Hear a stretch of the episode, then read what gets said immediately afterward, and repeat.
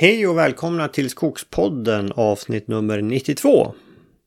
Ja, jag har som vanligt en mycket spännande intervju att bjuda på. Och, men innan vi går in på den vill jag presentera min samarbetspartner Föreningen Skogen. Och Föreningen Skogen kan ni träffa på flera mässor här i sommar. Eh, först ut, eh, andra till 4 juni, Elmia Wood, Skogselmia som går i söder om Jönköping, i skogarna söder om Jönköping. Där eh, kommer Föreningen Skogen att finnas och sen 17 till 18 juni i Överkalix är det Mittpunkt skog. Där kommer skogen också att finnas med. Och sen har vi 19 till 20 augusti i Ljusdal, Mittja gård och skog. Eh, så gå på de här mässorna och eh, besök Föreningen Skogen. Eh, ta en paus, kom in där, kom in och prata skog, läs senaste tidningen och kanske någonting äta och dricka där. Och är ni på Elmia så kommer jag och vara där i montern. andra, tredje i vilket fall. Det vill säga torsdag, fredag. Så kom gärna förbi och träffa mig där kan vi prata lite skog.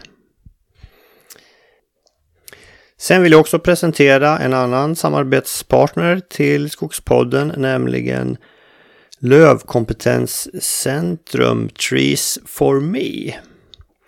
Det här är under uppbyggnad. Syftet där är att eh, samla spetskompetens och kunskap inom svensk skogs-, trä och energisektor med eh, fokus på, på löv, eh, lövträd. Kanske speciellt björk. Uh, Trees for Me finansieras av Energimyndigheten, universiteten, Skogforsk, offentliga och privata intressenter. Där bland annat Skogspodden är med då.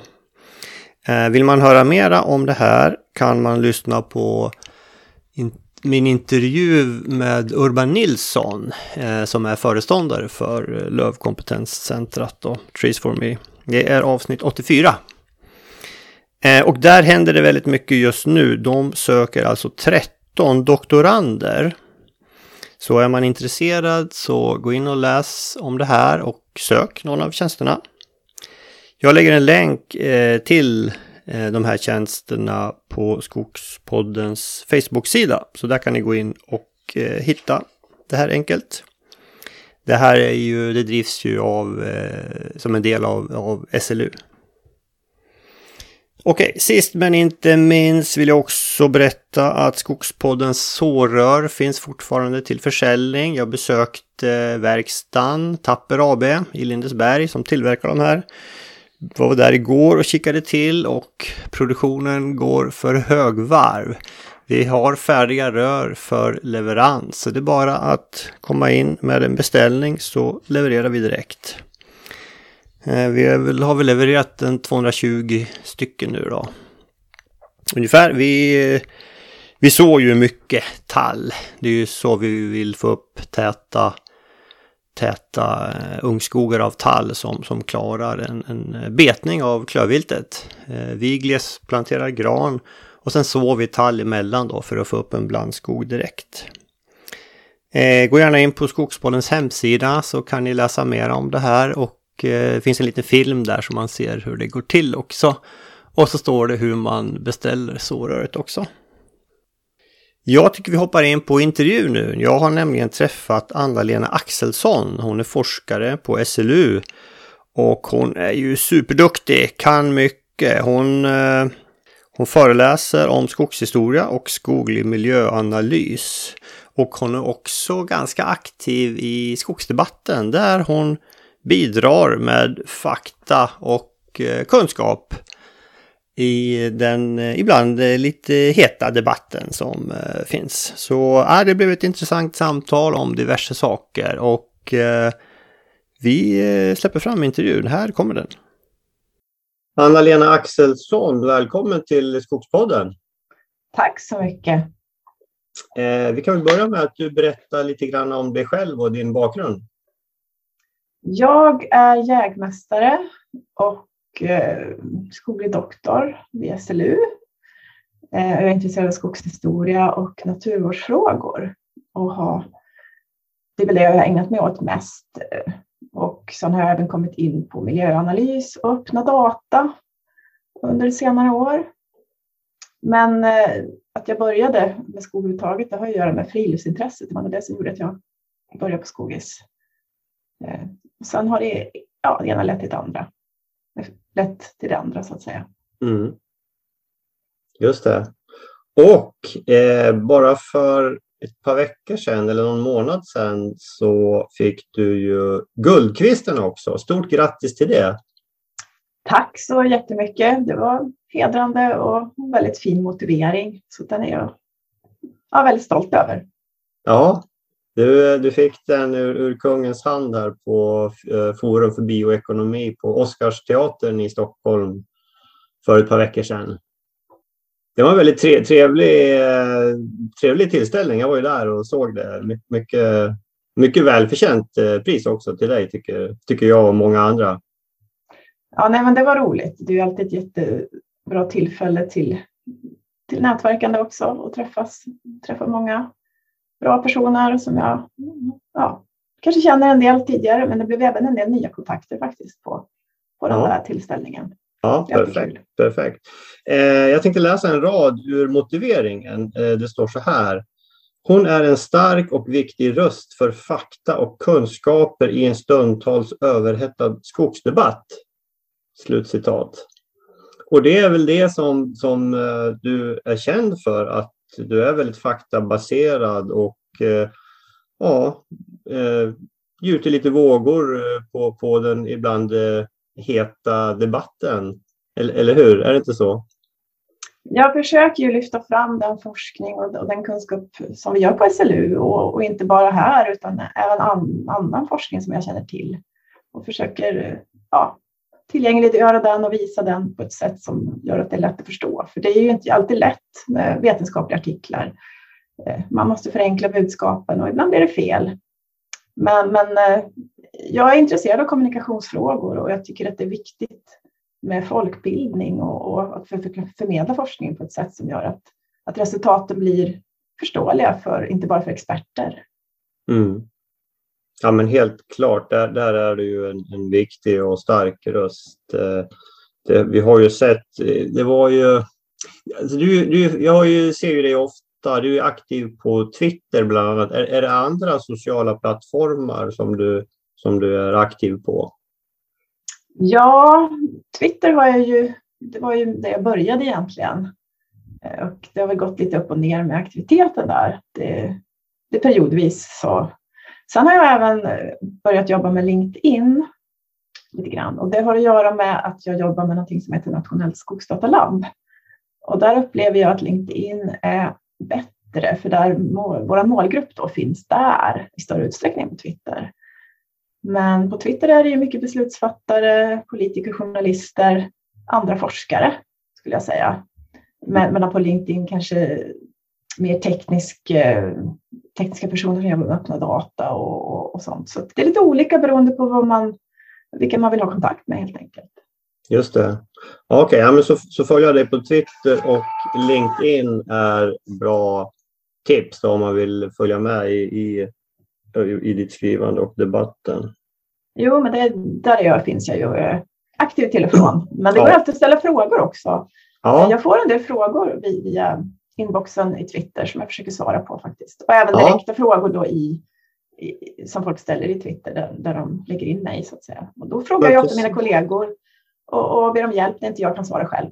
Så det är, de som inte finns och mina kollegor som finns på Twitter kan, kan ju komma få ut sin, sin kunskap den vägen också. Då.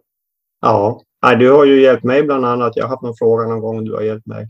Det generellt är ju, tycker jag, de forskare som jag tar kontakt med ibland är ju väldigt hjälpsamma. Det är, jag tror aldrig jag har fått nej om jag har bett om hjälp i någon fråga eller göra någon intervju. Så jag tycker ju forskarna på våra universitet, högskolor och på, på SLU är ju väldigt hjälpsamma och delar med sig av, av sin forskning och kunskaper. Det är ju en del av vårt, vårt uppdrag. Det är ju, kallas ju den tredje uppgiften där vi ska, så att säga, den kunskap som produceras på universiteten ska ju komma ja, samhället i gagn. Och då, då är det ju en, en, en, del av vår uppgift. Sen är det också så att under vissa perioder kanske man inte har tid. Och då är, är det ju så att säga eh, en del personer kanske har mer tid att föra ut kunskap och jag hjälper på något sätt kanske andra att föra ut sin kunskap också. Ja. När de ägnar sig åt att göra excellent forskning och gräva ner sig där så kanske jag kan jobba lite mer övergripande och föra ut resultat eh, och jobba över en lite bredare palett så att säga. Just det. Jag tänkte eh, en, en, fråga som, var, som debatterades väldigt mycket när det, när det begav sig för ett par år sedan här, det var ju det här med skogsbränder. Vi hade ju 2018 var en väldigt torr vår och sommar i stora delar av Sverige. Och vi, det var ju flera riktigt stora skogsbränder som, som rasade då och då var det ju mycket debatt där ja, vissa tyckte att, det var, att vi brukade skogen på fel sätt som gjorde att det blev sådana här stora bränder. Och där vet jag, där var du aktiv och tog, lyfte fram det här lite mer ur ett historiskt perspektiv. Kan du inte berätta lite grann om, berätta lite grann om skogsbränder och dess historia? Ja, det där var ju främst Västmanlandsbranden och, och när, den, när det, det var aktuellt. Eh, skogs, många tror ju att, upplever ju idag att, att, att det är en katastrof när det brinner och, och, och, så. Det är ju klart, det är en katastrof för markägaren och det, det är ju ganska dramatiskt. Det, ja, egendom, människor kan till och med hamna i, i klistret. Så att, det är ju, såklart är det ju, är det ju allvarligt och dramatiskt. Men om man sätter det i ett historiskt perspektiv så är ju en sån här brand, även den i Västmanland, faktiskt inte... Den är stor, men den, historiskt sett så har vi sett att det funnits sådana stora bränder tidigare. Mm. Eh, I de källor vi kan se. Då. Och eh, det är också så att det brinner faktiskt väldigt lite i landskapet idag jämfört med hur det brann för 100 till 150 år sedan. Eh, i norra Sverige. Sen I södra Sverige så slutade det brinna långt tidigare i och med att man bekämpade bränderna. Mm. Men, men från 1850 och framåt så har vi varit väldigt duktiga på att släcka bränder i Sverige i och med mm. att, att, så att säga, timret, skogen fick ett värde och då hade man ett ganska starkt incitament för att bekämpa bränder. Och då vi har glömt bort liksom hur, hur ja, skogsbränderna var faktiskt närvarande i människans ja, vardag på ett helt annat sätt då mm. än vad de är idag. Ja. Och det var ungefär en procent, mellan tummen och pekfinger, man brukar prata om en procent av den norrländska skogen som brann årligen.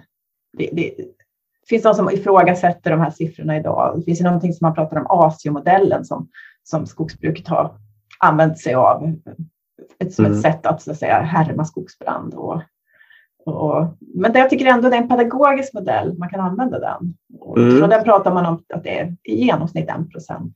Men om det är i genomsnitt så betyder det också att vissa år så brann det ju betydligt mer än en procent. Och vissa år brann det ju ingenting alls. Nej. Det vet vi ju att det är vissa år som sticker ut när det är torrt. Och då, då blev det mycket bränder. En procent, alltså ett, ett år där det brinner mycket jag tänker på jag menar, 2018, vi hade ju flera bränder i Mellansverige då. Älvdalen, där vid Trängslet till exempel. Mm. vad, vad, pratar vi om för, för, för, arealer då i procent? Bara för att få en... en ja, det är promille vi pratar om då. Det är promille, okej. Okay. Ja. Mm. Och, det, och det var ju liksom ändå extremt stora bränder för modern tid. Ja, extremt stora bränder ur vårt nuvarande perspektiv, ja. Men eh, inte ur ett historiskt perspektiv. Nej. Det var ju så ofta att bränderna brann ju under lång tid. Och ja. pyrde och blossade upp. Eh, så mm. det kan kunna bli väldigt stora arealer så att säga. Som brann över tid. Och det ser ja. vi i USA idag som bränder som håller på flera veckor. Mm. Fortsätter att brinna, fronten flyttar sig framåt. Så, så har vi haft det i Sverige tidigare också. Ja. Kan man säga någonting, alltså varför vissa år brinner, brinner det ju mer än andra år. Var, varför brinner skogen då? Eller kan man göra något för att minska det ännu mer tror du? Ja, för att det ska brinna så behöver man ju bränsle. Mm. Man behöver syre och man behöver någon slags antändning. Ja. Eh, gnista. Och gnistan kan komma från en åsk, ett åsknedslag. Den kan komma från ett tåg. Mm. Den kan komma från eh, en skogsmaskin. Mm. Och det här är ju exempel på ja, de, de bränder vi har idag. Det kan också vara lägereldar. Eh, antalet antändningar i skogen eh, är ju fler ju fler människor vi har. Det är väldigt ja. mycket antändningar i Stockholm till exempel. Ja. Men det blir aldrig några bränder av det. Så vi ser aldrig, aldrig det i massmedia. Nej. Det är först när bränderna växer sig stora och så att säga, påverkar och, och man kan se dem. Det är då, det är då media så att säga, uppmärksammar dem. Ja. Så man måste skilja på tändningar och, och på eh, skogsbränder. Mm. Just det. Det brann ju i Tyresta eh, utanför Stockholm. Jag tror det var, var det 99? Ja, någon gång då. Jag var doktorand då och eh, det var semestertider så att jag fick, jag fick komma in i, i lokal-tv-studion och prata om skogsbrand. Ah, så att jag var, ja, Redan jag tyckte, då? Ja, jag tyckte att media gjorde ett bra jobb ändå. Mm. Att visa på eh, inte bara katastrofscenarier utan också att det här är faktiskt en naturlig process som, behöv, som vissa arter behöver. Och ja. det, är, det är en naturlig del av skogens liv. Jag tyckte de gjorde ett bra jobb faktiskt. Ja. Där. Jag, jag, har, jag har varit och vandrat några gånger där. Eh, väldigt eh, vackert att se. Dels är det ju liksom en, en urskog som man går igenom. Sen kommer man liksom in i brandområdet och där förändras ju liksom skogen helt eh, naturligtvis då med yngre skog som kommer upp. Men det, där, det är intressant att se. Det är lättillgängligt också. Och där var ju jag har läst alltså skälen varför det var så svårt att släcka där också, att det, där finns ju inga vägar. Nej, och det är ju därför vi kan släcka skogsbränder idag, för att vi har ett vägnät i Sverige. Och så man kan ju säga att på grund av skogsbrukets vägnät så har vi stora möjligheter att släcka bränder idag. Mm. Just det. Och ja. Tyresta är ju speciellt, för det är ju på något sätt också eh, det är ju en ganska hårt påverkad skog av, av så att säga, järnbruksepoken, om man ska titta skogshistoriskt sett. Så att, eh, det, är, det är en värdefull skog, men den mm. har en, en lång skogshistoria av brukande också. Mm. Mm. Just det. Eh, när vi ändå pratar debatt här, vad, vad anser du om, om dagens eh, skogsdebatt? Ja, dagens skogsdebatt är ju två diken där man i stort sitter och skriker på varandra med megafon. Eh, och det, det, är ju det är väldigt tråkigt och det, det, är ju likadant i pandemidebatten har ju varit likadan.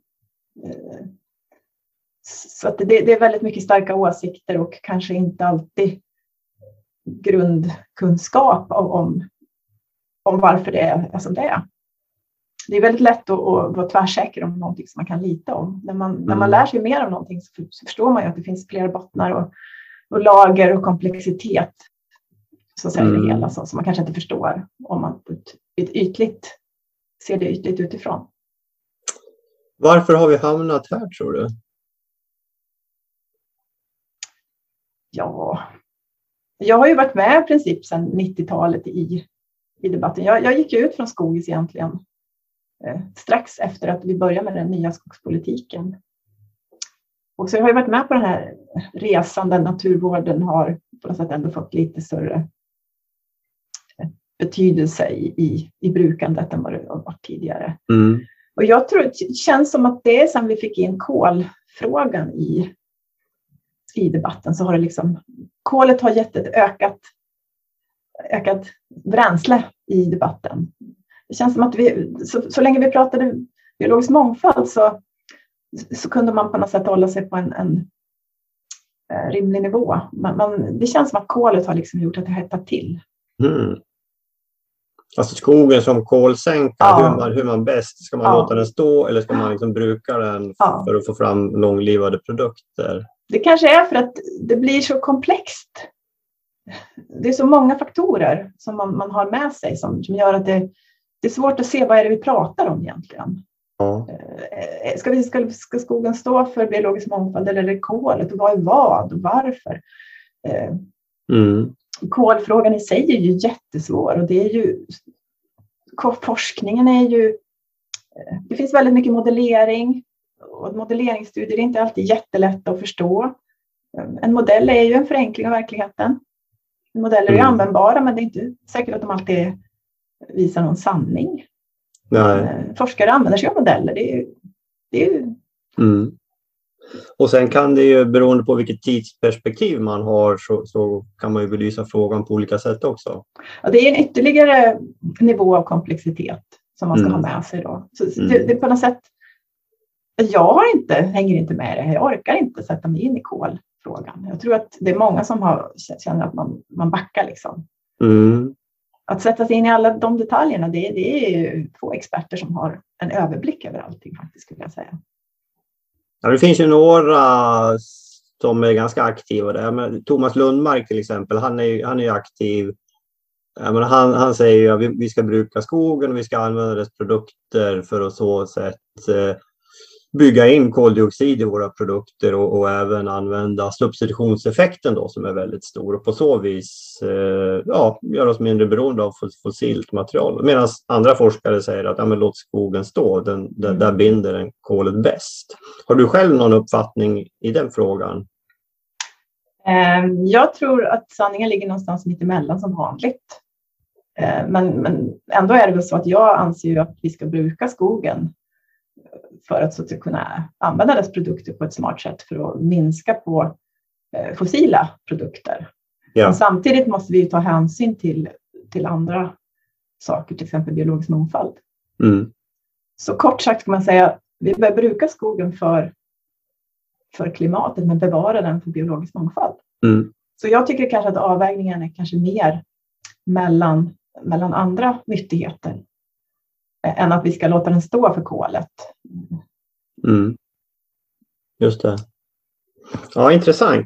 Det har ju varit, eh, alltså media har ju de senaste åren får man väl ändå säga med DN i spetsen kanske och delvis SVT har ju haft ett ganska högt tonläge i den här debatten. Och jag vet att du har haft lite synpunkter på SVTs programserie, det här slaget om skogen bland annat, vet jag du har skrivit om på Twitter. Vad, vad, vad, hade, du, vad hade du för synpunkter på den?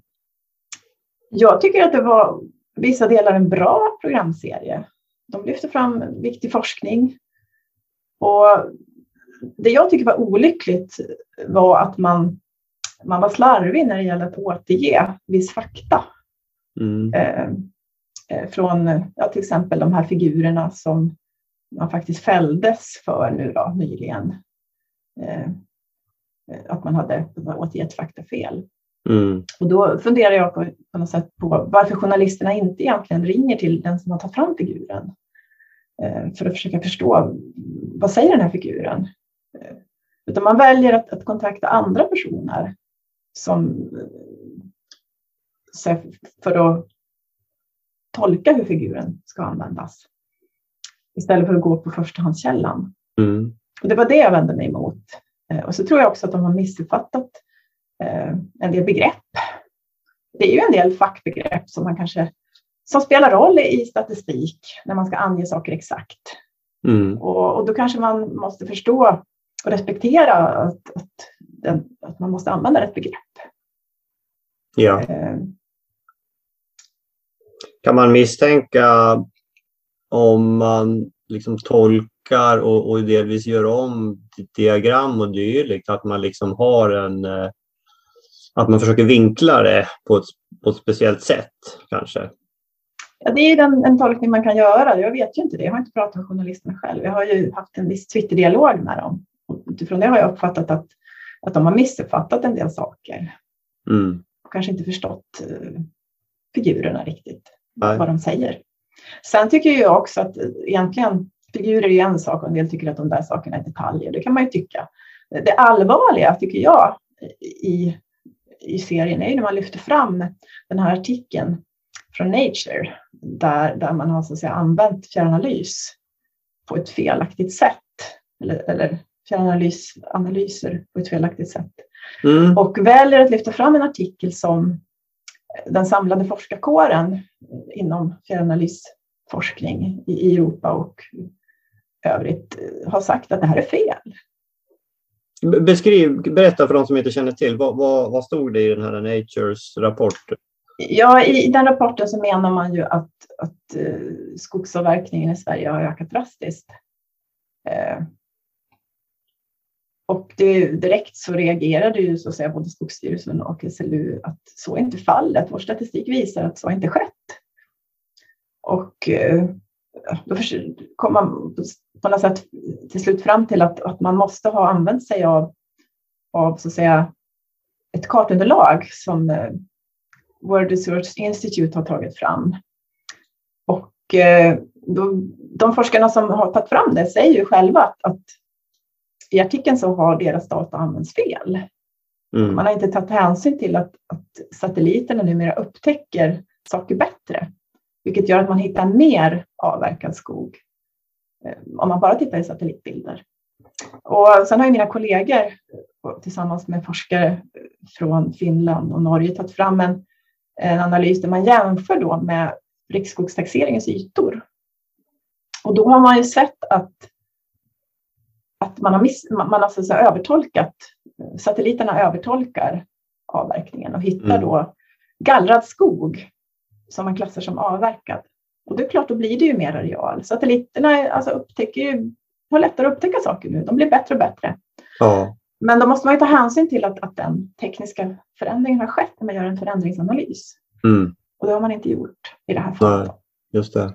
Och det här var ju, Skogsstyrelsen var ju, och även SLU då, var ju som du, som du säger, de var ju rätt snabba med att gå ut och, och berätta om det här. Så det, det för, man, man förstod ju rätt snabbt att, att, det var, att de hade använt sig av felaktiga data där. Men, men ändå så, tidningarna hade ju väldigt svårt att ta till sig det här. Ja, jag var men faktiskt, alltså, jag var inne igår faktiskt ja. och tittade på en, en eh, Svenska Dagbladet skrev ju om det här bland annat. Då. Mm. Och där medger man ju, man skrev en artikel först och sen så ändrade man och sa att ja, Skogsstyrelsen har synpunkter på det. Men alltså själva berättelsen, om man läser den utan att ha någon bak, bakgrundskunskap så, så tror man ju fortfarande att, att vi har drastiskt ökat avverkningarna. Det är ett problem eftersom den här artikeln finns ju fortfarande kvar. Den är fortfarande publicerad av Nature. Man har inte dragit tillbaka den. Man har, man har gjort en rättelseartikel där man har modifierat resultaten lite grann. Men det finns ändå fortfarande fel i den artikeln. Och så länge artikeln ligger kvar på Natures så kommer folk fortsätta att hitta den och fortsätta att referera till den i så att säga debatten. Är det det här som kallas för eh, agendasättande journalistik? Ja, man kan ju, man kan ju fundera över det. Eh, sen kan jag också nämna att alla medier Eh, var ju inte så att säga på, på den här nyheten, utan det fanns medier som också eh, valde att inte publicera, eh, som hörde av sig till, till mina kollegor mm. Och som fick rådet då att, att eh, ta inte det här vidare. För det finns allt, allt som tyder på att, att den här artikeln inte är, att det är fel. Mm. Mm. Och de, de hörde ju naturligtvis av sig innan artikeln publicerades för att Nature artiklar läggs ut med ett embargo. Medier får alltså tillgång till artiklarna två, tre dagar innan de läggs ut och då har medierna en möjlighet att kolla upp, förbereda eh, pressgrejer och intervjuer. Mm. Och det är ofta så det funkar. Man sänder på morgonen eh, med mm. Vetenskapsradion till exempel. Då. Ja. De lägger ut sina nyheter samma dag som Natures artiklarna släpps. Och, och då var det ju så att vissa, vissa medier hörde av sig och, och fick då rådet att, att, inte publicera och valde att inte publicera också. Så att, eh, det kan vara intressant att, att, att se då att, att en del hade liksom, gjorde ett val att gå vidare redan direkt. Då. Och det var ju SR Vetenskap till exempel ett exempel på de som inte gick vidare med publiceringen. Då. Mm. Medan SVT då valde att trots att, att, uh, över ett år efter publiceringen så väljer man ändå att fortsätta och, och jobba vidare på den. Tror ja. Då, ska, då visste vi mycket då... mer om, om, om, att det inte var, ja. att det var fel. Då. Ja, men precis. Och Svenska Dagbladet har ju fortfarande artikeln kvar på sin, eh, på sin hemsida. Jag sett. Ja, och... DN vet jag faktiskt inte. Hur ser det ut där? Vet du det? Nej, jag har inte koll på det. det... Nej. Nej. Nu. Nej. Men du, när vi ändå eh, pratar agendasättande journalistiker. Vad, vad, DN har ju skrivit väldigt mycket om det svenska skogsbruket. Har du läst den artikelserien? Ja, vissa artiklar i alla fall har jag skummat. Hur, eh, vad, vad, har du synpunkter på den? Eh, har det varit bra tycker du? Eller? Det, det är väl bra på något sätt att, att skogen uppmärksammas, att skogsfrågan uppmärksammas och att, att det blir bredare dialog kring det. Mm. Eh, sen är det väl bra att, att, att man också som journalist sätter sig in i frågor och, och så, så förstår kanske lite mer om komplexiteten om det man skriver om. Men eh, SLU bjöd ju faktiskt ut Lisa Röstlund till att delta i riksskogstaxeringen. Så hon fick vara med och, och se hur inventeringen gick till mm. på en av riksskogstaxeringens ytor. Mm. Var, var hon med? Ja, hon var med ute i skogen. Mm. Ja, visst. Mm. Mm. Ja. Och jag vet inte, hon kanske kommer skriva om det i sin bok som kommer nu framöver. Just det. Hon har ja. en del, haft en del kontakt med riksskogstaxeringen efter, efter det också. Ja, ja, ja. Intressant. Ja, precis. Eh, riksskogstaxering, berätta, berätta om den. Ja, det är ju en, en nationell inventering av skogen som har hållit på hundra år. Nästa år firar den hundra år och då ska det bli kalas och boksläpp och mm. med mera. Ja. Eh, och jag har ju jobbat, jag kom ju in och jobbade med de här frågorna via att jag använde data från riksskogstaxeringen i min avhandling. Jag använde data från den första riksskogstaxeringen och jämförde det med, med moderna data. Och sen efter när jag hade disputerat så fick jag möjlighet att jobba med ett eh, projekt där vi digitaliserade data från första taxen.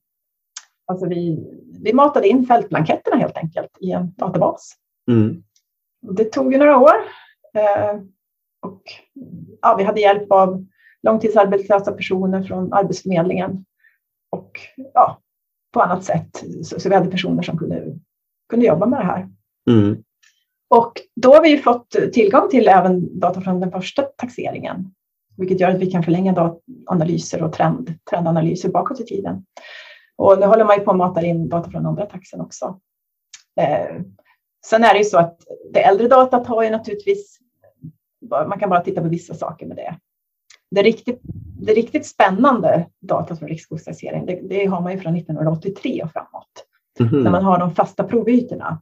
Ja. Och det är det som används som ett underlag för den svenska kolrapporteringen till exempel, eller mm. växthusgasrapporteringen.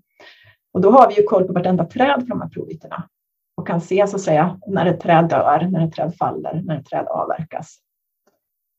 Just det. Så det är ett fantastiskt material att eh, jobba med. Ja. Det är i princip, ja, både Finland, Finland och Norge har ju liknande inventeringar och de har också hållit på väldigt länge. Ja. Så i de tre nordiska länderna har vi ju ett fantastiskt datamaterial. Ja, det är helt otroligt, hundra år. Och hur, hur ofta gör man den här taxeringen? Den håller ju på hela tiden. Man tar ju en del av provytorna varje år. Och mm. Det är för att man ska kunna rapportera vissa saker på, per år på årsbasis. Men annars använder man sig av fem års data. Så man kan säga efter fem år så har man gått igenom alla provytor. Just det. Omdrev så att säga. Ja. Man återkommer till, till ytorna, de här, de här fasta provytorna vart femte år. Och till vissa av, sen på vissa av dem så gör man även en markinventering där man gräver gropar i marken och tar markprover. Och det används ju också för kolrapporteringen. Ja. Kolmängden i marken. Och den här eh, kommer man ju åt om man, om man vill gräva ner sig i någon specifik eh, data så, så hittar man ju uppgifter här om man, om man söker på webben, eller hur? Absolut, det finns ju både aggregerad statistik eh, på läns eller regional nivå som man kan titta på och, och göra egna tabeller. Men sen finns det ju även möjlighet att ladda ner provytorna de tillfälliga provytorna kan man ladda ner direkt mm. Eh, med vissa variabler. Och många använder ju det för, som kalibreringsdata för fjärranalys, just för att undvika den här typen av, av så att säga, fel, fel som i den här Nature-artikeln, att man på något sätt jämför sin förändringsanalys och ser, är det verkligen något som har hänt på marken eller är det bara jag som tror det utifrån bilderna? Så man måste ju ha så att säga, in situ-data eller fältdata ja. som man så att säga, använder för att verifiera och, och kalibrera sina skattningar. Då. Ja. Det, är, det är väldigt viktigt. Ja men absolut. Och jag vet en fråga som ofta har varit uppe eh, i lite artiklar och sånt där som det har varit lite diskussioner kring. Det är liksom mängden död ved. Ja, det finns ju en miljömålsvariabel idag där vi följer mängden hård död ved. Och ja, det är ett ganska en bas, basindikator kan man säga. Sen mm. är det mm. klart att eh, den riktigt värdefulla döda veden kanske, kanske inte är den hårda döda veden, utan det är ju den stora grova träd. Man behöver också veta hur, hur stora är de döda träden och, mm. och vad är det för sorts, för art. Det är också viktigt. Men som ett robust, som ett basmått så är ju det, visar ju ändå på någon slags förändring. Då. För där är ju mängden dödved ökar ju nu i, i de svenska skogarna. Mm. Men det har ju väldigt mycket att göra med, med så att säga, granbarkborreangrepp och, och ja, sådana saker. Det är, det är mycket det som gör, och stormar. Det är mycket det som gör att vi får ett tillskott av dödved. Eh, och granbarkborrarna de har hjälpt till rätt bra nu kan jag tänka mig. Och de här stormarna i södra Sverige, Gudrun var ju ett exempel på det. Vi fick väldigt mycket tillskott ja. så i det. Då. Ja. Men sen är det också så att man kan kanske se en viss effekt när det gäller dödved på stående eh, träd på hyggen. Mm. Att, så att säga, våra, våra naturvårdsansträngningar har, har kanske gjort eh, effekten då. Men huvuddelen av döda veden, det, det, är sånt som vi på något sätt inte har lämnat medvetet, utan det har blivit ja, kvar har vi från olika Just störningar så att säga. Ja, ja nej, men granbarkborren har ju härjat eh, ordentligt eh, friskt. Eh, det, och det, nej, man i vissa områden i Sörmland, det, det ser det, det, ser inte kul ut. Alltså man åker förbi stora partier med döda granar. Liksom. Riktigt tråkigt. Nej, det är ju ett jätteproblem. Det... Men du, biologiska mångfalden, hur är tillståndet på det i våra skogar, eh, tycker du? Vad vi, vad vi gör med hjälp av riksskogstaxeringen, det är att titta på indirekta indikatorer. Mm. Man tittar på andel äldre skog, eh, andel stora gamla träd, ja, dödved och sånt. Då. Ja. Sen har vi ju, jag har ju mina kollegor på Artdatabanken på SLU som jobbar med, med arter på mm. inventering av arter. Och det, och det, det är det som man oftast ja, det som man oftast tänker på biologisk mångfald är arter. Men, men biologisk mångfald är ju även mångfald av ekosystem och processer. Att vi har naturliga processer i landskapet är ju också biologisk mångfald. Till exempel mm. skogsbrand. Mm. Det, ska säga att skogsbranden är väl egentligen den viktigaste processen i, i, Sverige som som på något sätt tar med sig en massa andra värden om man låter den finnas. Mm. Så att jag skulle säga att den viktigaste naturvårdsåtgärden vi kan göra i Sverige idag, det är att bränna skog. Jaha, det är intressant. Eh, för att det ger med sig så många positiva effekter liksom efteråt. Du får ju, du får ju liksom en helhetsprocess. Mm. Eh, om du bränner ett större område så får du ju med så mycket på köpet av det. Så som? Död ved, eh, lövträd, möjlighet för lövträd att växa upp. Eh. Ja, branden på... i sig är ju viktig för vissa organismer. Ja, eh. just det. En, en del, man, man, kan ju, en del påstår ju att ja, men ett, ett kalhygge, okej det är liksom in, det är ingen skogsbrand, men det är ändå ett, ett tillstånd som, som kan liknas vid en skogsbrand, det vill säga du får eh, ja, du får en helt annan miljö. Får, det är ju liksom en, en, en störning och så har du, får du liksom död ved och dylikt. Ja, men eh, ett kalhygge och en skogsbrand har ju vissa likheter, men de har också väldigt stora olikheter. Ja. Det är ju en, en dramatisk störning, mm. vilket gynnar vissa arter och missgynnar andra arter. Mm. Men den stora skillnaden mellan en skogsbrand och ett kalhygge, det är ju att en skogsbrand eh, efter en skogsbrand så överleder ju också ofta ganska mycket träd. Ja. Eh, så att säga. Speciellt om, om, om tallskogar brann så, mm. så, så överlevde ju kanske huvuddelen av träden och några dog och det skapades luckor. Mm. Eh, men när en granskog brann så dog ju huvuddelen naturligtvis. Ja. Men, men sen en skillnad är ju naturligtvis att vid avverkning tar man ju bort all den döda veden. Ja. Och det är ju det som är huvudsyftet, att man vill åt den veden. Men i en brand så lämnas ju den kvar, då finns ju den kvar. Ja. Så det är ja, en viktig skillnad. Det finns likheter ja. och skillnader helt enkelt. Ja, ja, men så är det naturligtvis. Ja. Men, hur, men vad, vad anser du om, om, om tillståndet på den biologiska mångfalden i skogen? Är den liksom, går det, har den blivit bättre de senaste 10-20 åren? Går det åt rätt håll eller går det åt fel håll? Vad, vad säger du? Tittar man på indikatorerna så, så, så, ser det ut att gå åt rätt håll. Men då är frågan om vad indikerar de då? Mm. Eh, sen de bedömningar som görs eh, så att säga, i, i de här fördjupade utvärderingarna och sånt, då säger man ju ändå att, att det, det, kanske inte ändå går åt rätt håll. Jag, därför litar jag mig på mina kollegor så att säga, och de bedömningar som görs. Och vi, vi tar ju fram underlag på SLU som så att säga, används i, i de här bedömningarna. Mm. Så vi har de här indikatorerna. Ibland kan det ju vara så att, att det är väldigt svårt att mäta biologisk mångfald. Det är jättesvårt. Ja. ja. Det är väldigt svårt att inventera eh, sällsynta saker i landskapet. Och därför så förlitar vi oss mycket på indikatorer som, som vi har och kan ta fram med den data vi har idag. Mm. Och det är inte säkert att det alltid är de som, som vi skulle vilja ha helst. Mm. Men det, det, är det som vi kan ta fram med dagens eh, resurser helt enkelt. Ja, man gör, man gör en förenkling för att liksom kunna följa det liksom i, i tid. Ja, vi kan ju inte inventera alla bedsvampar på alla träd i Sverige. Ta reda på var alla eh, utrotningshotade tickor sitter, så att säga. eller rödlistade tickor. Nej. Det, det, ju, det går ju inte. Nej. Men indika, indika, indikatorerna visar att Eh, att det blir bättre? Ja, indikatorerna visar att det, blir mer äldre skog. Eh, och, mm. Eh, men, men då måste mer man, dödved? Ja, men då måste man samtidigt också se att sätta det i perspektiv. Jag är ju skogshistoriker och vi har fått en ökning av den äldre skogen. Men samtidigt om man tittar på ett hundraårigt perspektiv så har vi väldigt lite äldre skog. Mm.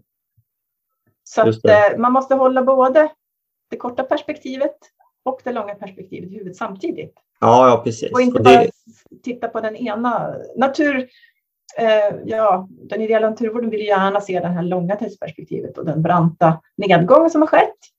Och den har ju skett. Samtidigt vill, vill kanske då skogsbruket eh, visa på den, den uppgång som har skett sedan 1990. Och det har, den har ju också skett. Mm.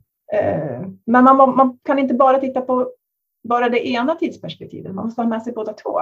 Man, man, ja, absolut, så är det ju. Eh, men vi hade ju en period i Sverige där liksom skogarna var väldigt dåliga och, och på många ställen alltså där man inte återbeskogade ordentligt.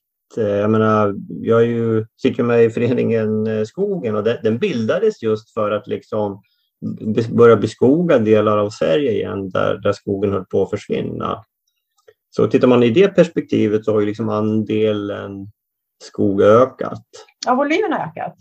Ja. Eh, men samtidigt har ju landskapet förändrats. Eh, om du flög över en skog i norra Sverige eh, på 1940-talet, då hade du inte alls upplevt samma lapptäcke som du gör idag när du flyger. Och det är en väldig skillnad så att säga, med, med vägar och, och vi, vi har ju påverkat mer drastiskt större delen av landskapet. Men sen hade man ju naturligtvis, man hade ju varit inne och plockat träd eh, i princip. Det har man gjort i princip överallt i Sverige. Mm. Plockat ut de stora träden. Mm. Man började ju så, man, man plockade ut de riktigt stora träden först. Sen kom man tillbaka och tog de lite mindre träden. Och till slut så började man då att med kalavverkningen. Det var ju när mm. massaindustrin kom som, som man kunde börja med det. Och det fanns en avsättning för klenvirke också. Ja, Just det.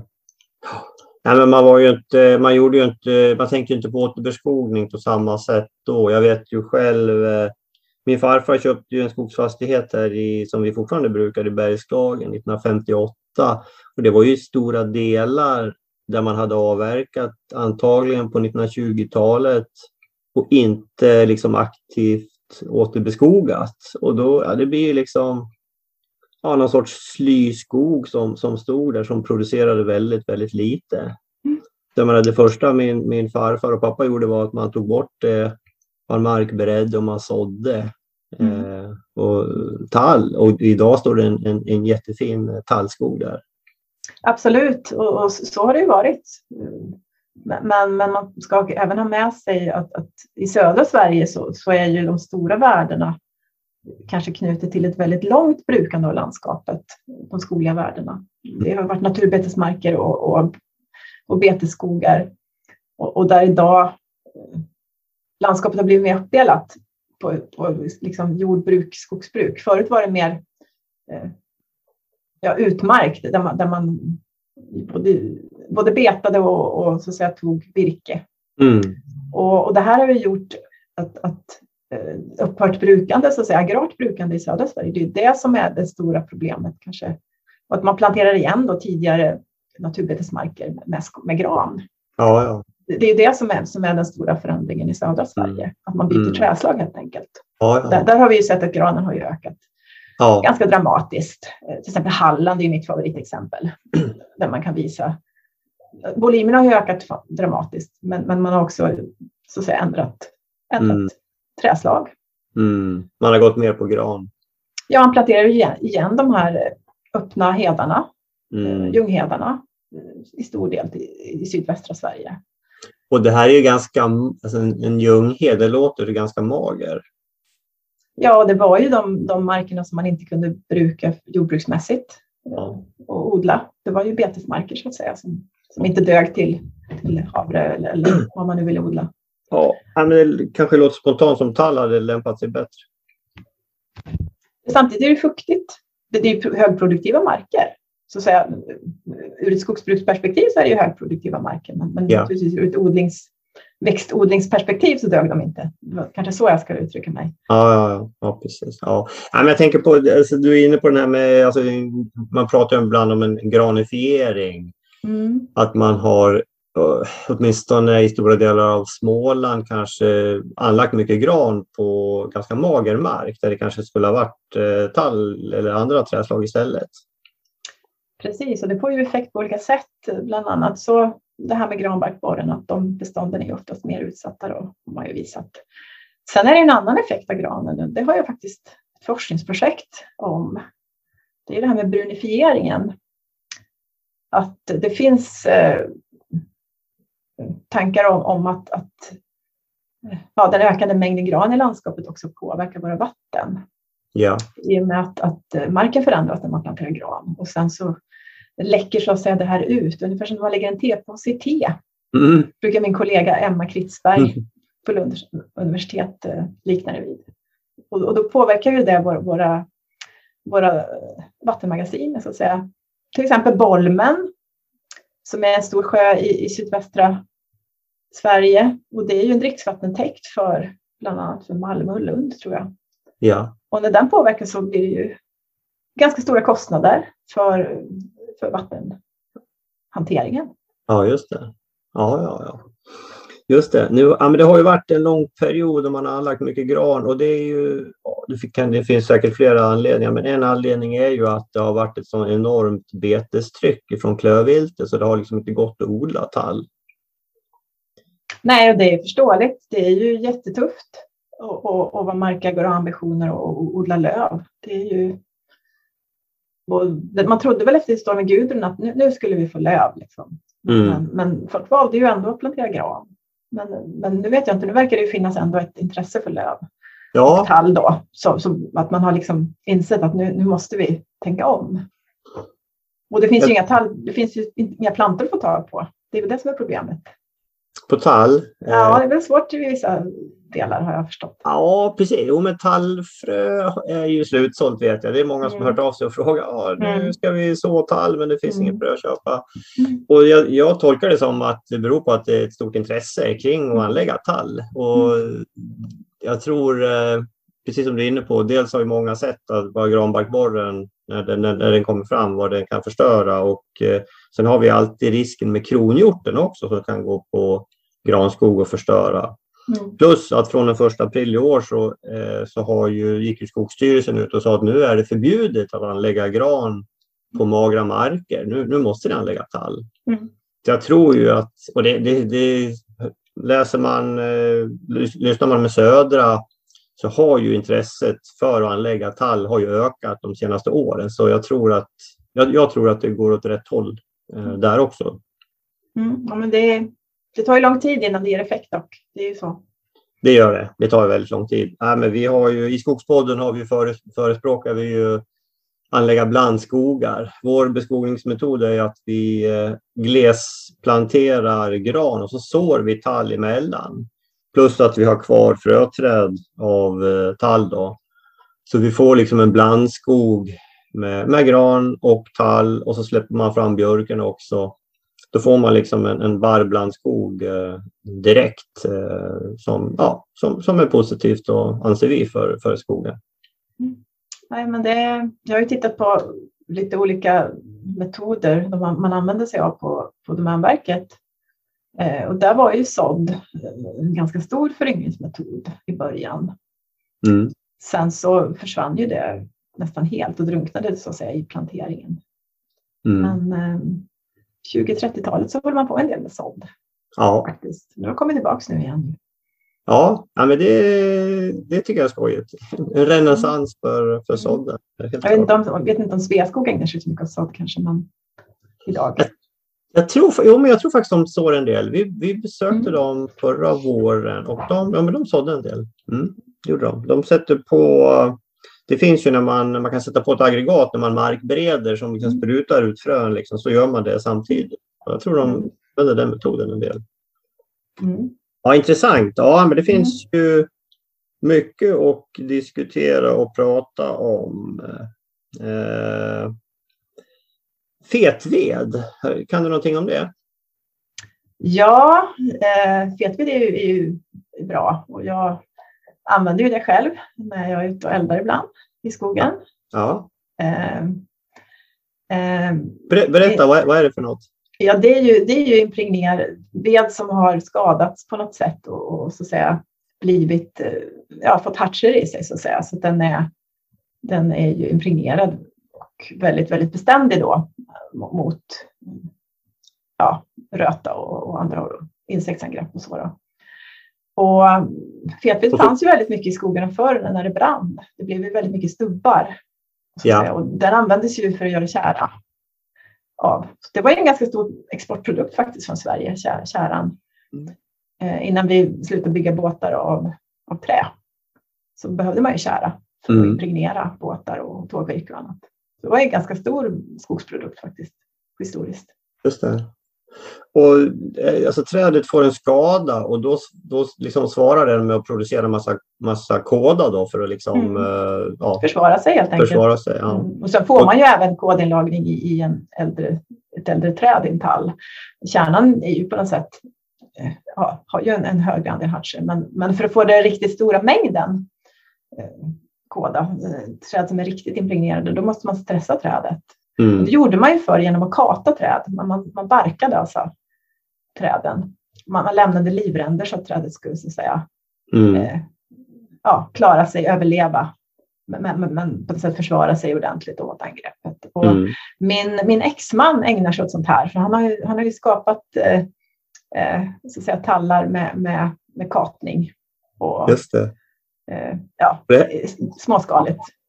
Det här gör man eh, man, man går tillbaka återkommande flera år va? Och, och gör den här uh, katningen. Ja, man ska kata lite taget så att man inte skadar helträdet uh, för mycket åt gången.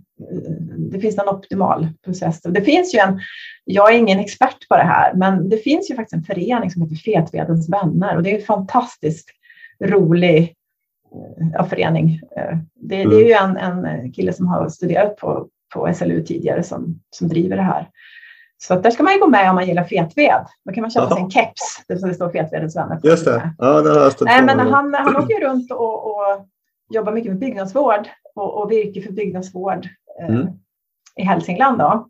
Mm. Och sen så ja, även kyrkor och, och sådana här saker, stavkyrkor och äldre kyrkor där man behöver så att säga detaljer eh, och, och reparera då.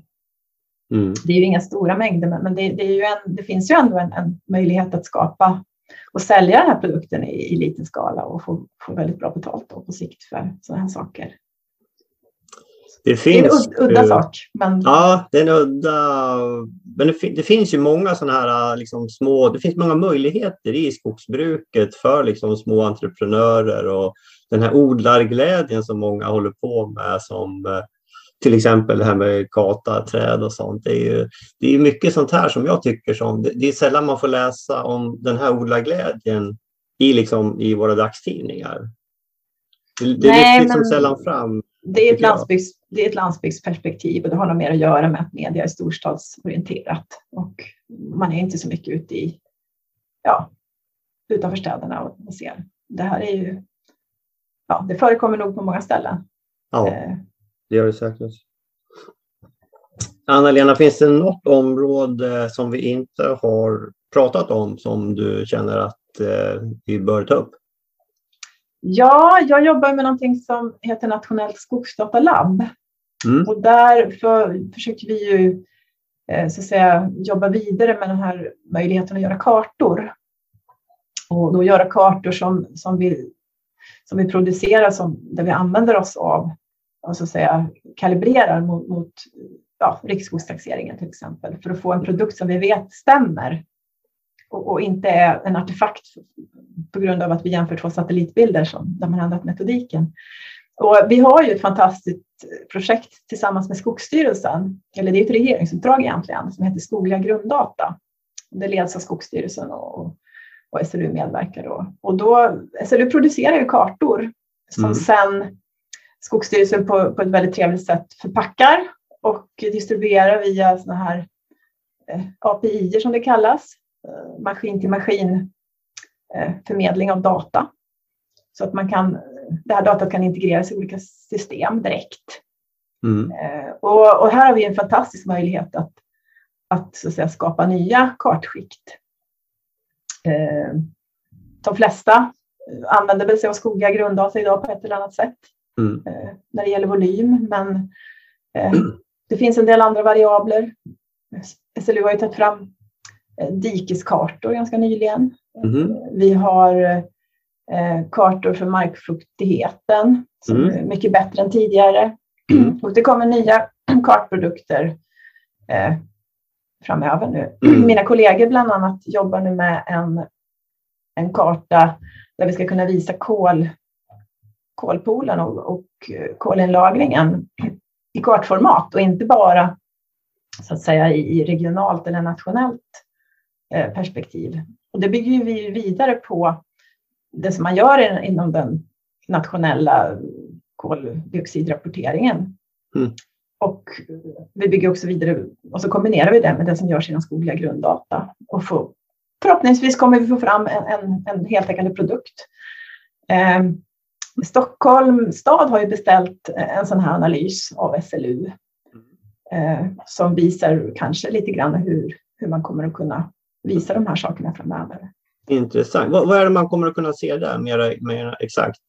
Eh, det är mer, mer en rumslig analys av var, var kolpoolen finns. Att vi gör egentligen, när vi tar biomassan, ja. Eh, både över mark och under mark då, Jaha. i rötter och så att säga och titta på även hur, vad har vi i, i kol, hur mycket kol finns i marken. Ja, ja. Och, och hur mycket är kol är lagrat i skogen? Kan man ja. även att kunna se liksom, liksom tillväxt, alltså inlagringen också? Ja, tillväxten kommer ju med då. Vad häftigt. För vi har ju, det kom ju en ny produkt ganska nyligen där vi har, med kollegorna har börjat titta på tillväxten. Vi har två, två laserdata, laserdata från två tidpunkter. Just det. Då kan vi använda oss av det eh, tillsammans med annan satellitdata Mm. Och, och, och, titta på när, när förändringen egentligen. Det är ett fantastiskt, fantastisk ja. möjlighet som de här laserskanningarna ger. Ja. Så att, eh, ja, det finns mer att gräva i där. Och jag jobbar ju ganska mycket med de här frågorna idag nu och, och försöker föra, ja, få snurr på det här på olika sätt. Ja, det låter ju superintressant. När, när tror du vi kan ha de här kolkartorna så att vi, vi kan liksom gå in och se sin egen skog. Och, och en kika. första version kommer komma under nästa år. Mm. Sen kommer det naturligtvis inte vara den perfekta kartan utan då får vi jobba vidare på den sen. Mm. Men ett första, en första version.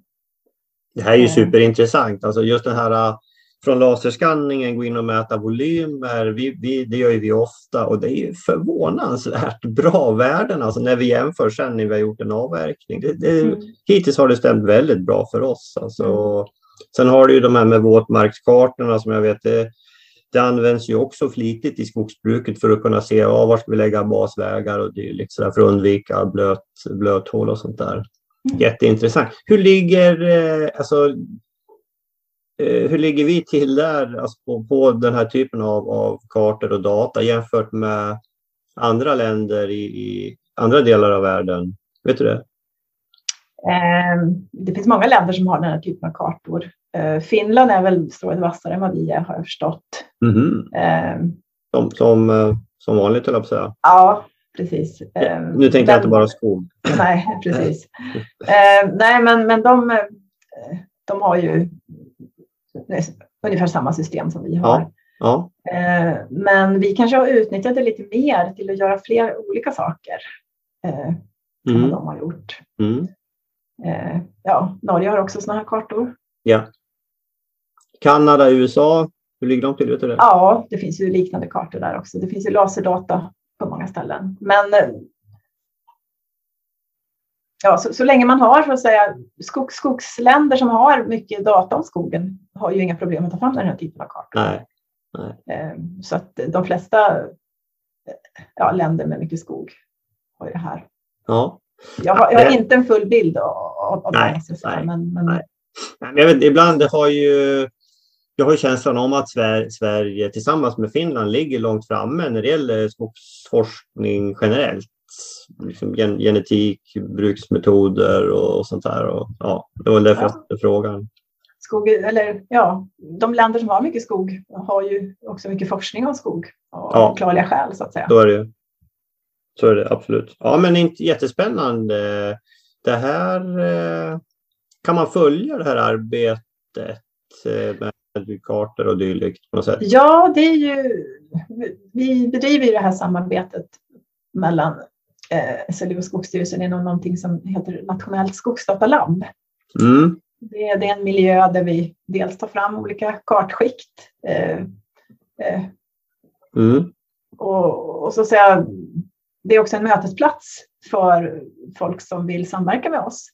Och sen har vi också mycket webbinarier Mm. där vi släpper olika produkter och berättar om dem. Mm. I samband med, med att vi lanserar nya kartprodukter som kommer ut så, så eh, har vi ofta ett webbinarium.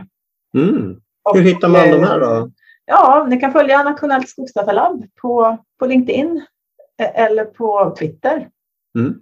Det, finns, det, det finns konton då för Nationellt skogsdatalabb. Mm. Och jag är ju en av dem som, som rattar de här kontona. Det finns fler som är med och, och lägger ut saker också. Ja. Av Skogsstyrelsen på de här kontona. Det. Men det är ett sätt att, att hålla sig uppdaterad och hålla koll på de här webbinarierna. Ja. Skogsstyrelsen kommer ju inom kort att släppa nya resultat kring kulturlämningar. Mm. Eh, där man har med hjälp av, av laserdata och, och AI tagit fram en karta över, möjliga kolbottnar. Mm. Eh, som vi sen behöver naturligtvis hjälp att verifiera. Men, men det är ju, det är ju ett, eh, att på ett bräde kunna ta fram en, en, en analys för hela Sverige är ju på något sätt bra, även om naturligtvis en del av de här punkterna kanske inte visar sig vara kolbottnar senare. Då. Mm. Man får kommer vi- samköra de eh, orienteringskartor där i kolbottnar med också. Ja, det kan ju vara ett, ett jättebra sätt att verifiera faktiskt när du säger det. Jag är själv orienterare så jag har Ja. inte riktigt tänkt på det, men, men det är inte alls dum idé. Mm. Faktiskt. Men, men även att, att man på något sätt tar hjälp av, av folk och göra fält, fältkoller. Mm. Eh, och det, det finns ju sådana tankar kring det. Då. Så att det är ju ett annat exempel på vad Skogsdatalabbet levererar då, det här Mm. samarbetet. Eh, eller, eller den här möjligheten vi har fått. Vi har fått medel från Vinnova för att jobba med de här frågorna. Då. Att ta datat vidare så att säga, in i nya lösningar. Mm. Eh, det är det som innovationen handlar om. Datat ska inte vara liggande utan det det ska komma till användning. Det är först då Absolut. värdet uppstår.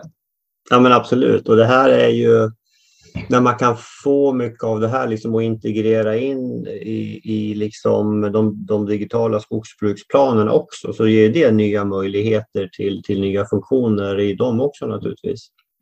Det finns ju exempel på jättekul nya tjänster som har byggts utifrån de här skikten.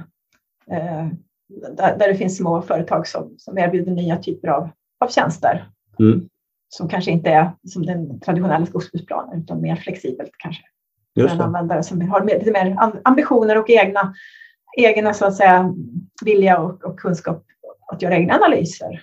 Ja. Alltså digitaliseringen i skogsbruket, det, det, det ångar på rätt bra. Ja, det är, det är jättekul och det händer ju fantastiskt mycket. Mm. Det var en konferens häromdagen här på SLU.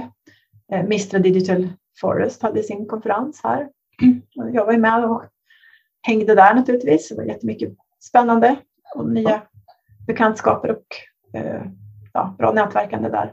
Det är ju en jätte, jättebra satsning, men där är det ju på något sätt storskogsbrukets behov som man fokuserar på. Eh, mm. Och medan vi i Nationellt skogsdatalab kanske mer fokuserar på samhällets behov av data. Ja. Men naturligtvis så kommer ju det skogsbruket till del. Just det. Ja, vad intressant. Vad spännande. Nu har vi, vi har nog pratat en timme nu nästan, Anna-Lena, mm. så jag tror vi får börja. Det finns, vi får börja runda av, även om det finns väldigt mycket att prata om. Och jättekul. Vi, får ju, vi kanske kan få komma tillbaka och prata mer om det här med Nationellt eh, skogsdatalabb och de saker som ni tar fram där i ett senare tillfälle. Kom gärna tillbaka. Ja, men det ni är så välkomna så. Då tar vi med ja. Skogsstyrelsen också i så fall. Ja, precis. Ja, men ett tips är ju att följa er på LinkedIn och även då på Twitter. Ni kanske mm. finns på Facebook också kanske? Nah, Facebook Nej, kör vi. Ja, vi fanns på Facebook tidigare, men, men vi har valt att, att eh, ja. pausa den kanalen just nu. Man kan inte splittra sig på för många ställen. Man kan inte vara överallt, så är det. Så är det. Eh, stort tack Anna-Lena. Är det, när vi har avslutningsvis, är det någonting som du vill skicka med till landets 320 000 privata skogsägare? Någonting som, som man kan tänka på, som du bör nämna, bör, vill nämna? Ja, jag kan ju påminna er om, om att, att titta in på Skogshistoriska sällskapets webbsida också. Jag är ju vice ordförande i Skogshistoriska sällskapet. Mm. Och jag är ju där för att jag tycker att skogshistoria är viktigt och jag tror att det behövs mer kunskap om skogshistoria i debatten. Ja. Och eh, vi har ju någon slags ambition att, att vara någon slags folkbildande instans här faktiskt. Att sprida kunskap om, om skogshistoria. Mm. För det, det är viktigt att man förstår eh, varför det ser ut som det gör idag för att förstå vart vi ska någonstans. Ja, men så är det ju. Och det, man, det, det jag brukar tänka på ibland är ju liksom att historiskt har ju skogen gett mycket, väldigt mycket till Sveriges välstånd. Ja, absolut. Och, och, inte minst vittnar ju de här kolbottnarna nu som finns i landskapet om det. Det var ju ja, järnhanteringen och, och, och det, det är ju, var ju grunden till Sveriges, till Sveriges välstånd så att säga. Och sen gick man ju vidare med att, att, så att säga, utnyttja skogen eh, till virke och så att säga, i takt med att, att infrastruktur och investeringar tillät dem. Mm. Så det finns, eh, vi har mycket att tacka liksom den svenska skogen för som det, som, hur, hur det ser ut idag. Ja, och jag är övertygad om att skogen kommer att fortsätta användas på andra sätt och vi kanske inte alltid riktigt vet vilka sätt den kommer att användas av. För några år sedan så pratade vi inte alls om kollagring till exempel. Nej. Det är ju ett, någonting som vi har pratat om de senaste tio åren kanske. Det är en helt ny grej. Vad vet ja. vi? Det kanske finns nya saker som vi kan använda skogen till som vi inte vet om idag. Ja, antagligen är det ju så. Jag menar, man pratar om det här med skapa batterier och, och ja, alla möjliga produkter som, som, som man säkert inte ens känner till idag. Mm. mm det finns ju mycket spännande inom biomaterialområdet som pågår. Ja, så är det. Ja, kul, intressant. Ja, men bra Anna-Lena, bra avslutningsord och eh, Skogshistoriska sällskapet eh, ska vi kika in på också. Det finns Stort på tack. Facebook. De, de finns på Facebook, ja. Mm. Jättebra. Stort tack Anna-Lena för att du eh, tog dig tid och ville prata med Skogspodden. Eh, mm. Och på återhörande. Tack så mycket. Ha en trevlig dag. Ja, där hörde vi intervjun med Anna-Lena Axelsson och eh, ja, jag tyckte det var ett jätteintressant samtal. Hon är ju väldigt eh, kunnig, Anna-Lena, och eh, man märker också, hon är ju liksom faktabaserad verkligen och hon har verkligen koll på skogshistorien med med den här uh, riksskogstaxeringen uh, som, som, som grund. Uh, hon använder mycket data därifrån. Och det är ju jättebra. Så uh, det här tycker jag var superintressant och ja, men passa på och följ även då Nationellt skogsdatalabb och även Skogshistoriska sällskapet. Så ja, då har ni några kanaler till för bra skogsinformation. Eh, Vad bra, då sätter vi punkt för dagens skogspodd. Vi hörs eh, snart igen. Ha det bra, hej så länge!